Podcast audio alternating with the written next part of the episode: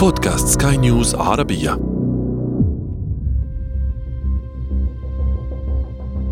قد يكون من اللافت أن أول حفل تنصيب تم توثيقه بالصورة. كان لتنصيب من وصفه الأمريكيون لاحقا بأسوأ رئيس. كان ذلك في عام 1857 وربما يفكر أمريكيون الآن في نزع لقب الأسوأ عمن ارتبط به تاريخيا ومنحه لدونالد ترامب. لكن في العموم لم يكن حفل تنصيب الرئيس الأمريكي دوما حفلا راقصا بهيجا ولا جرى بأناقة سلم فيها الرئيس السابق السلطة للرئيس المنتخب. فخلال تاريخه الطويل شهد الحفل مواقف بعضها غريب وبعضها مأساوي وبعضها طريف. لم يتم دوما على الأرض فقد حدث يوما داخل طائرة وسط حالة من الهلع. ولم يتم دوما بسلاسة معهودة حتى إن رئيسا شهيرا عايشنا فترة حكمه جميعا اضطر إلى أدائه في اليوم التالي بسبب تلعثمه خلال أدائه في اليوم الأول. في العشرين من يناير 2021 لا يجلس دونالد ترامب بجوار جو بايدن ليصحبه إلى مبنى الكونغرس. وهو التقليد الذي بدأ في عام 1837 حينما ركب الرئيس المنتهية ولايته آنذاك أندرو جاكسون مع الرئيس المنتخب مارتن فان بيورن في نفس العربة. إلى الكونغرس. ولا يجتمع ترامب أيضا مع بايدن في البيت الأبيض قبيل الذهاب سوية إلى الكونغرس. كما بدأ راثرفورد هايز هذا التقليد في عام 1877 قرر ترامب أن يكسر أعرافا كثيرة ارتبطت بحفل تنصيب الرئيس الأمريكي. وهي أعراف ليست شكلية فقط وإنما هي جزء مما يعتبرها الأمريكيون محورا أساسيا في ديمقراطيتهم. لكن على ذكر الديمقراطية فلم تكن مراسم التنصيب تسير دوما في أجواء تحيطها الديمقراطية. كانت أحيانا مراسم خشنة إنجاز التعبير. أحيطت بالكثير من المناغصات أهلا بكم. أنا عمرو جميل وأنتم تستمعون إلى بودكاست بداية الحكاية.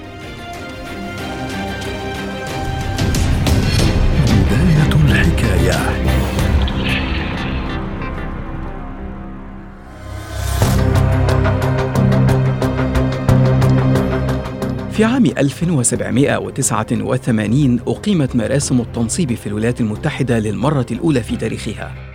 كان ذلك عندما أدى جورج واشنطن اليمين الدستوري رئيسا للبلاد وتم ذلك في مدينة نيويورك.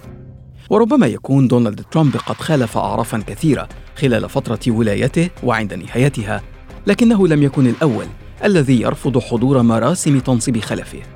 فجون آدمز الرئيس الثاني للولايات المتحدة والذي تولى الحكم في الفترة بين عامي 1797 و 1801 رفض هو أيضا حضور حفل تنصيب توماس جيفرسون بعدما خسر أمامه في الانتخابات. كانت هي المرة الأولى التي يقام فيها حفل التنصيب في العاصمة واشنطن. كما قام نجله جون كوينسي آدمز بالسير على درب والده. ورفض هو أيضا حضور مراسم تنصيب خلفه أندرو جاكسون في عام 1829 وربما كان الغضب من الهزيمة الدافع لهؤلاء الرؤساء لعدم حضور مراسم تنصيب خلفهم. لذلك كان طبيعيا أن يغيب الرئيس السابع عشر أندرو جونسون عن مراسم تنصيب خلفه بعدما كاد يتعرض للعزل من منصبه على يد خصمه اللدود يوليسيس جرانت. وربما لا تعبر كلمة الغضب بدقة عن العلاقة بين جونسون وجرانت كان بين الرجلين عداء شديد. فجونسون كان نائبا للرئيس إبراهام لينكولن الذي اغتيل في عام 1865 وتولى المنصب بعد اغتياله. أما جرانت فكان حينها قائدا للجيش الأمريكي. وكان لجونسون مواقف متشددة في وقت قسمت فيه الحرب الأهلية الولايات المتحدة. فيما كان جرانت دائم التصدي لمواقف جونسون. حتى إنه عندما حاول الرئيس جونسون إقالة وزير الحرب إدوين ستانتون وجد الأخير دعما بلا حدود من جانب جرانت الذي حاول عكس العملية لعزل جونسون من منصب الرئاسة. نجا جونسون من عملية العزل بفارق صوت واحد فقط في مجلس الشيوخ وحافظ على منصبه حتى نهاية فترة ولايته في عام 1869 لكن شعبيته كانت في أدنى مستوياتها. دفع ذلك حزبه الديمقراطي لتقديم مرشح آخر للانتخابات هو هوراشيو سيمور الذي كان خصمه فيها هو جرانت غريم جونسون. وعندما حقق جرانت فوزا كبيرا في الانتخابات أعلن أنه لن يركب نفس العربة مع جونسون للتوجه نحو الكابيتول يوم التنصيب وهو ما اعتبره الرئيس جونسون إهانة بحقه ليقرر هو الآخر في النهاية التغيب عن مراسم التنصيب.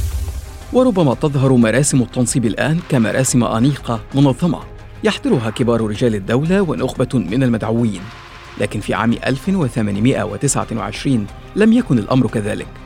حينها قاد الرئيس المنتخب أندرو جاكسون حملته الانتخابية تحت شعار زعيم للشعب كله. وبعد إعلان فوزه دعا جاكسون الشعب كله للاحتفال معه.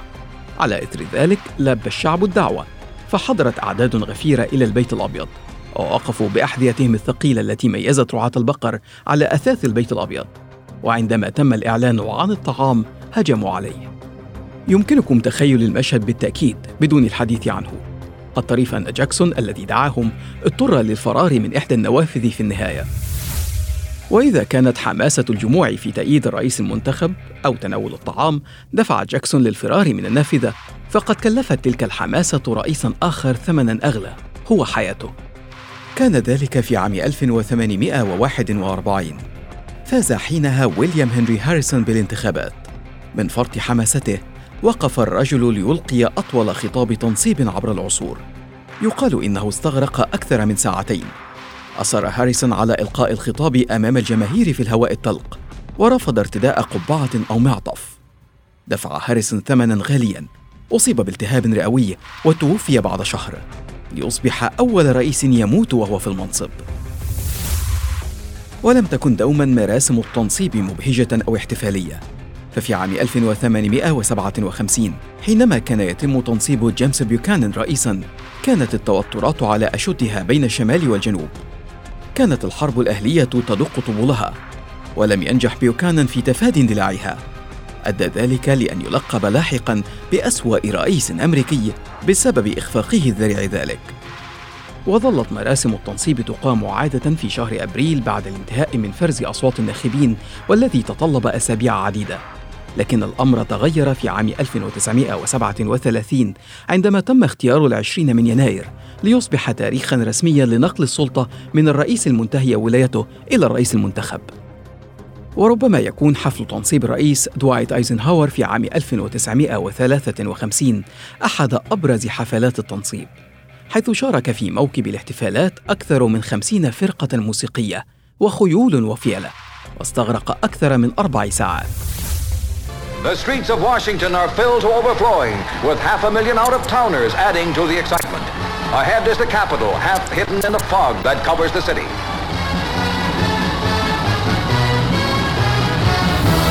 لم تخلو مراسم التنصيب من مواقف غريبة كذلك ففي عام 1961 وحينما كان جون كينيدي يستعد لأداء القسم اندلع حريق في المنصة الرئاسية بسبب ماس كهربائي ولحسن الحظ تم إخماده سريعا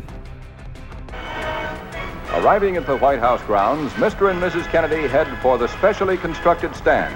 We're joined by Vice President and Mrs. Johnson. They will review the inaugural parade. كانت مراسم التنصيب تتم أحيانا في ظروف استثنائية أو حزينة. فبعدما تم اغتيال جون كينيدي في عام 1963 تولى ليندون جونسون المنصب. ونتيجة للملابسات التي أحاطت باغتيال كينيدي أدى جونسون القسم على متن الطائرة الرئاسية Air Force One.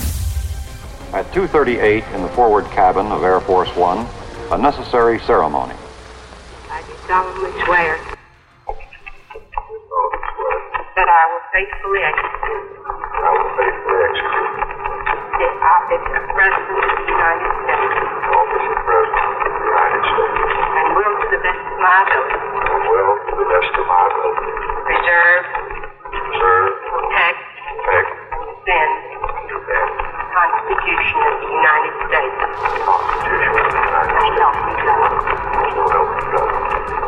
وفي وقت صاحبت فيه أجواء الحماس انتخاب أول رئيس أسود في تاريخ الولايات المتحدة باراك أوباما في عام 2009 وبرغم مما عرف عنه من لباقة لكن أوباما تلعثم عند أدائه القسم اضطره ذلك إلى أداء اليمين القانونية في اليوم التالي Are you prepared to take the oath, Senator? I am. I, Barack Hussein Obama, I, do solemnly swear I, Barack Hussein Obama, do solemnly swear that I will execute the office of President to the United States faithfully, that I will execute the off- faithfully the pres- office of President of the, the United office of President of the States. United States faithfully and will, to the best of my ability, and will, to the best of my ability, preserve, protect, and defend the Constitution of the United States. preserve, protect, and defend the Constitution of the United States. So help you God. So help me God. Congratulations, Mr. President. All the best wishes, Mr. على مدار التاريخ الامريكي لم ينظر إلى تقاليد حفل التنصيب باعتبارها اعرافا بروتوكوليه فحسب بل جوهرا اساسيا معبرا عن الديمقراطيه الامريكيه عن سلاسة تسلم وتسليم السلطة وقبول تداولها احتكاما لرأي الشعب. وفي 2021 ومع نهاية ولاية دونالد ترامب أصبح كثير من هذه الأعراف على المحك ومعها كثير من التقاليد الديمقراطية الأمريكية. بداية الحكاية.